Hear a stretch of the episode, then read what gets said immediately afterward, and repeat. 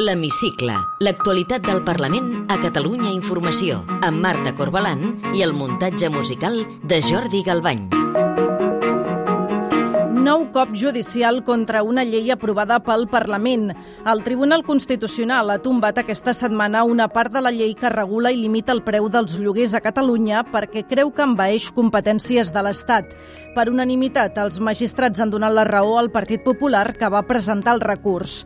Avui entrevistem la presidenta del grup parlamentari d'en Comú Podem, Jèssica Albiach. Benvinguts a l'Hemicicle.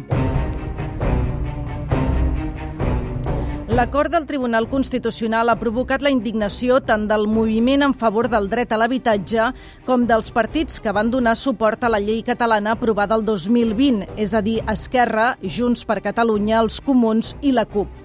Més de 160.000 famílies s'estaven beneficiant d'aquesta normativa i ara quedaran desprotegides quan hagin de renegociar els contractes.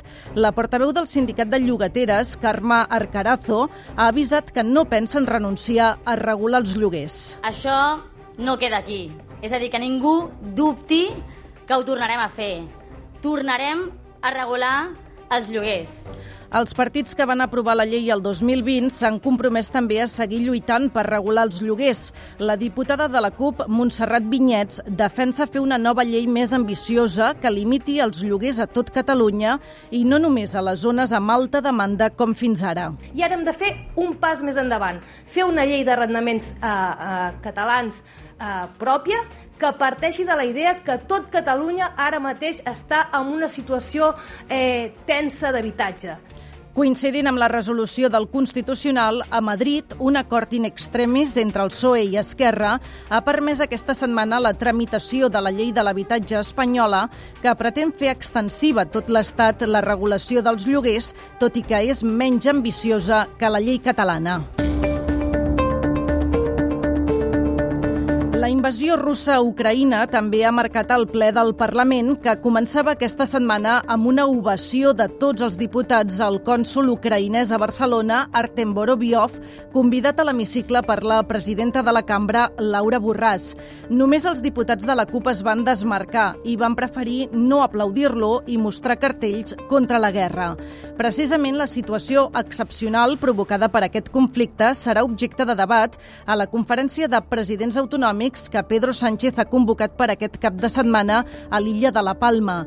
Finalment, el president de la Generalitat, Pere Aragonès, hi anirà després que el líder del PSC i cap de l'oposició, Salvador Illa, li insistís que no deixés la cadira buida. Jo hi demano un punt de respecte, primer per aquest Parlament, primer pel govern que vostè presideix i pel conjunt dels catalans. Si és per treballar, per arribar a acords que ens permetin defensar el compromís de Catalunya amb els reptes globals, en aquest cas amb la situació a Ucraïna, i la defensa dels interessos de Catalunya, dels ciutadans i de les empreses, hi podem ser. Però no anirem a una conferència buida. El Partit Popular, Ciutadans i Vox han fet mans i mànigues per intentar vincular l'independentisme català amb el president rus Vladimir Putin. Aragonès troba indecents aquestes acusacions. Sentim els diputats Alejandro Fernández, Carlos Carrizosa, Ignacio Garriga y la respuesta del presidente. De nada sirve que luego escriba grandilocuentes artículos a favor de la democracia y la libertad en Ucrania cuando aloja en su gobierno a cómplices del régimen de Putin. Yo le anuncio que vamos a buscar apoyos para una comisión de investigación parlamentaria sobre los vínculos de ustedes del separatismo con Putin. Los únicos socios y amigos de Putin son ustedes y los comunistas. És bastant indecent que vostè intenti vincular aquest govern amb el govern de Vladimir Putin. És bastant indecent. I mentre l'hemicicle es debatia sobre Ucraïna, el Tribunal Superior de Justícia de Catalunya decidia en paral·lel enviar a judici l'expresident del Parlament i ara conseller d'Empresa Roger Torrent i els membres independentistes de l'anterior mesa de la cambra per haver permès debatre sobre l'autodeterminació i la monarquia. Torrent ho troba escandalós. Aquella fiscalia que d'una banda arxiva totes les acusacions i totes les actuacions contra eh, el rei emèrit és la mateixa que no permet, que no vol que el Parlament de Catalunya es pugui parlar de monarquia, que es pugui parlar de tot. El cap de files de Junts per Catalunya al Parlament, Albert Batet, feia aquest avís. La qüestió és perseguir per atemorir. Volen fer-nos callar. Volen que baixem el cap. Volen que ens resignem. Doncs no callem, no acceptem la retallada de drets civils i polítics i no podem normalitzar la repressió. 93 vots a favor, 33 vots en contra i una persona que no vota. Per tant, queda designada la senyora Rosa Romà i Monfà com a presidenta del Consell de Govern de la Corporació Catalana de Mitjans Audiovisuals.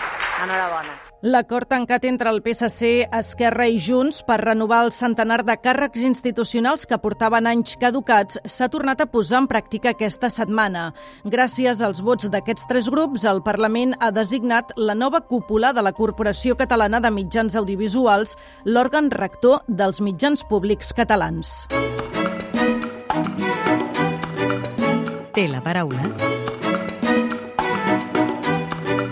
Soc la Jessica Albiach, presidenta del grup En Comú Podem al Parlament de Catalunya i coordinadora dels comuns juntament amb la Ada Colau i la Candela López. Aquests dies estem molt pendents del que passa a Ucraïna. Vostè està d'acord que s'hi hagin enviat armes, com ha fet el govern espanyol de Pedro Sánchez, del qual en són socis?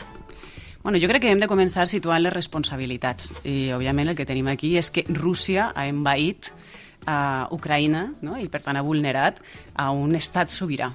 A partir d'aquí, jo crec que nosaltres, doncs, per un costat, ajuda humanitària, imprescindible, acollida de persones refugiades, sancions econòmiques, que estem veient com estan sortint efecte, i garantir el dret de legítima defensa que té el poble ucraïnès. I a partir d'aquí jo crec que el que ha de fer Espanya és decidir quin és el camí i quin és el paper que vol tindre. I per a mi doncs, ha de ser un paper molt més semblant o molt més proper al del president Macron, que està apostant eh, de manera inquebrantable per la resolució diplomàtica, que no Borrell, no? que eh, sí que ha dit bueno, que segurament les vies diplomàtiques no ens portarien a, a bon port. Jo crec que aquest ha de ser el, el paper que ha de tindre Espanya, no? anar més en la línia de Macron que no en la línia de Borrell.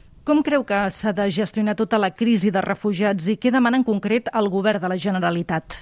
Nosaltres el que pensem és que el govern de la Generalitat ha d'actuar en dos fronts o en tres fronts. Per un costat, ajudant a l'enviament d'ajuda humanitària al poble ucraïnès, per un altre costat, coordinar-se. Jo crec que és una bona notícia que, que el president Pere Aragonès ja ha dit que tenia voluntat de coordinar-se amb el govern central per l'acollida de persones refugiades. Aquí és important que entre totes doncs, s'agilitzen tots els tràmits, tots els protocols doncs, per poder acollir de la millor manera possible i amb més recursos a les persones refugiades. I per un altre costat, el que jo sí que li he demanat al president Aragonès també és que estableixi doncs, l'elaboració d'un pla per fer front a l'impacte econòmic i social que tindrà sobre Catalunya aquesta guerra. I per nosaltres les respostes que ha de donar el govern de la Generalitat han de ser ràpides, han de ser valentes i han de ser de país. I això vol dir, i també li he demanat, una reunió amb els agents socials i econòmics, però també amb els grups de l'oposició, perquè pensem que ha de ser, com dic, una resposta de país. S'ha de també treballar en un bo social elèctric, ja tenim un bo social per l'aigua, però estem veient com estan escalant els preus de l'energia, per tant també hem de treballar en aquest sentit dit, òbviament s'ha de posar en marxa ja d'una vegada per totes l'elèctrica pública i per un altre costat nosaltres vam permetre des d'en Comú Podem l'aprovació dels pressupostos de la Generalitat el 23 de desembre, però clarament les necessitats estan canviants per l'actualitat i perquè ningú fa tres mesos preveia aquesta guerra. I per tant, sí que, que pensem que és important ser més valentes en la reforma fiscal que necessita Catalunya i els que més tenen doncs, que facin un petit esforç més. A casa nostra estem pendents que es convoqui la taula de diàleg entre els governs català i espanyol. Creu que la invasió russa d'Ucraïna pot retardar-ne la convocatòria? Doncs jo crec que a ningú se li escapa que estem en un moment molt complicat i on totes les energies ara mateix estan posades en enviar ajuda humanitària, en l'acollida de les persones refugiades, eh, però com sempre dic, crec que és un tema que no se pot anar dilatant més i al mateix temps, a part de parlar de la data, crec que és molt important parlar de continguts. I així nosaltres sempre insistim en cinc punts que per nosaltres són clau per caminar cap a la resolució del conflicte, que ja sabem que no serà fàcil ni serà ràpid. Parlem de la desjudicialització necessària del conflicte i aquí abans avançar, ja vam fer un primer pas amb els indults i ara necessitem avançar en la reforma del delicte de sedició, la reforma del Codi Penal, la necessitat de blindar el català eh, a Catalunya, a l'Estat i també a Europa, avançar en l'autogovern, com dic, en la reforma del sistema de finançament, està caducat des del 2014 i és absolutament injust amb Catalunya, el reconeixement de Catalunya com a nació i amb un acord que surti de la taula que ha de ser votat pels catalans i les catalanes. Creu que és una de les prioritats de Pedro Sánchez la resolució del conflicte polític català? Jo crec que ho hauria de ser I, I en aquest sentit hem vist com el Partit Socialista, com Pedro Sánchez, tenia un posicionament molt diferent en campanya electoral i vam veure com després en la conformació del govern i també arrossegat eh, doncs, per Unidas Podemos, per en Comú Podem, finalment va apostar per aquesta taula del diàleg i per tant ho hauria de ser. El president aragonès diu que aquest 2022 hauria de ser l'any que es desbloquegés el conflicte polític català. Ho comparteix? Totalment. Eh, 2021 vam veure com per fi es va consolidar la taula i 2022 hauria de ser l'any en què el diàleg comença a donar fruits. Vostè parla com una de les solucions la desjudicialització de tot aquest eh, conflicte, però precisament aquesta setmana hem conegut que el Tribunal Superior de Justícia de Catalunya ja obre judici oral contra l'antiga mesa del Parlament presidida per Roger Torrent. Com, com ho valora? Doncs mira, te diré que és desesperant i que és que és una darrere d'una altra. I per això és més important que mai eh, portar no? o fer retornar una qüestió que és política a les vies polítiques. Per això és tan important la taula del diàleg, per poder traure de les surpes de la justícia un tema que és polític. Parlem ara, si li sembla bé, dels Jocs Olímpics d'hivern del 2030. El govern vol fer una consulta als veïns de l'Alt Pirineu i l'Aran per saber si volen acollir aquests Jocs, però vostès demanen que també es pregunti a les altres comarques afectades, bàsicament el Berguedà, el Ripollès i el Solsonès. De fet, fa 15 dies el Parlament va aprovar una moció dels comuns amb aquest objectiu i en aquest sentit. Tenen la certesa que el govern complirà aquesta moció i ampliarà la consulta? Doncs vull recordar que aquesta moció que van presentar d'en Comú Podem, perquè també s'ampliés la consulta, com dius, al Berguedà, al Ripollès i al Solsonès, també va ser votada afirmativament per Esquerra Republicana, no només per Junts per Catalunya i per la CUP, sinó també per Esquerra Republicana. I dos dies més tard estàvem veient a la portaveu d'Esquerra Republicana, a Marta Vilalta, desdir-se.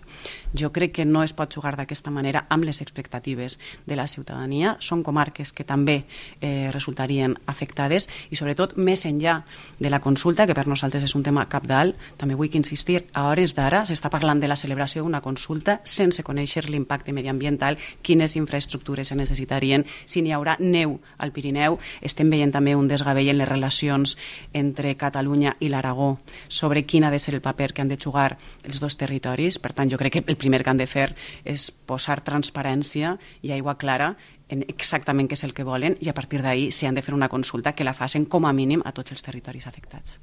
El govern vol fer aquesta consulta en principi a la primavera, però eh, s'hauria de reformar la llei de consultes per eh, permetre que el president de la Generalitat pogués convocar la consulta només en una part del territori. Els comuns donaran suport a aquesta reforma de la llei de consultes? Jo crec que el primer que ha de fer el govern de la Generalitat és explicar quina és la consulta i a on s'hauria de fer aquesta consulta i a partir d'ahir valorarem. L'ampliació de la consulta a aquestes tres comarques seria una de les exigències dels comuns per poder avalar la reforma aquesta de la llei de consultes? Totalment. Fins ara, el seu grup s'ha erigit en més d'una ocasió en soci parlamentari del govern. Fa una estona ens comentava que van permetre l'aprovació dels pressupostos de la Generalitat al desembre passat. Tres mesos després de la seva aprovació, creuen que s'està complint satisfactòriament allò que van pactar? Bé, nosaltres no és que siguem soci preferent del govern, com alguns ens han dit, nosaltres som oposició transformadora en tot allò en el que puguem millorar la vida de la ciutadania i serem, perquè pensem que se necessiten grans pactes, grans consensos de país, amb el tema llengua, amb el tema, eh, com comentava abans, eh, un pla per mitigar els efectes, l'impacte de la guerra d'Ucraïna sobre la vida dels catalans i de les catalanes. A partir d'ahir, eh, aquest mes, en principi en el mes de març, si no n'hi ha més dilació també per les circumstàncies eh, que ens marquen l'actualitat, n'hi ha haurà una reunió per veure quin és el seguiment que s'està fent dels acords pressupostaris a partir d'ahir ja te podré dir. Si li sembla bé, ens endinsem en el terreny ja més personal i li demano si pot contestar ara amb respostes tan breus com sigui possible. Deixaria la política per exercir de periodista, que és el que va estudiar? Jo tinc molt clar que la política institucional en la meva vida és una etapa, però ara estic volcada aquí. El seu perfil de Twitter es defineix com a feminista. Quin altre adjectiu la defineix? Doncs podria dir ecologista. Quin és el seu paisatge favorit? A mi me tira sempre molt el sud i jo em quedaria amb Terres de l'Ebre i des del Delta de l'Ebre fins a Corbera d'Ebre, per exemple, jo crec que tenim espais i llocs meravellosos. Amb quin diputat o diputada que no sigui del seu grup compartiria una sobretaula distesa? Amb l'Eulàlia Reguant, per exemple. Quina música l'identifica? Uau, escolta moltíssima música i diferent, però em quedaria amb el swing. I ja per acabar, completi la frase següent. El que més m'agradaria del món és... Bueno, que arribi un moment que cap dona pateixi violències masclistes. Jessica Albiach, presidenta del grup parlamentari d'en Comú Podem, gràcies per atendre'ns a l'hemicicle de Catalunya Informació. Gràcies a vosaltres, una abraçada. Podeu tornar a escoltar l'hemicicle al web catradio.cat barra hemicicle o al podcast del programa i seguir l'actualitat del Parlament al perfil de Twitter arroba L-hemicicle.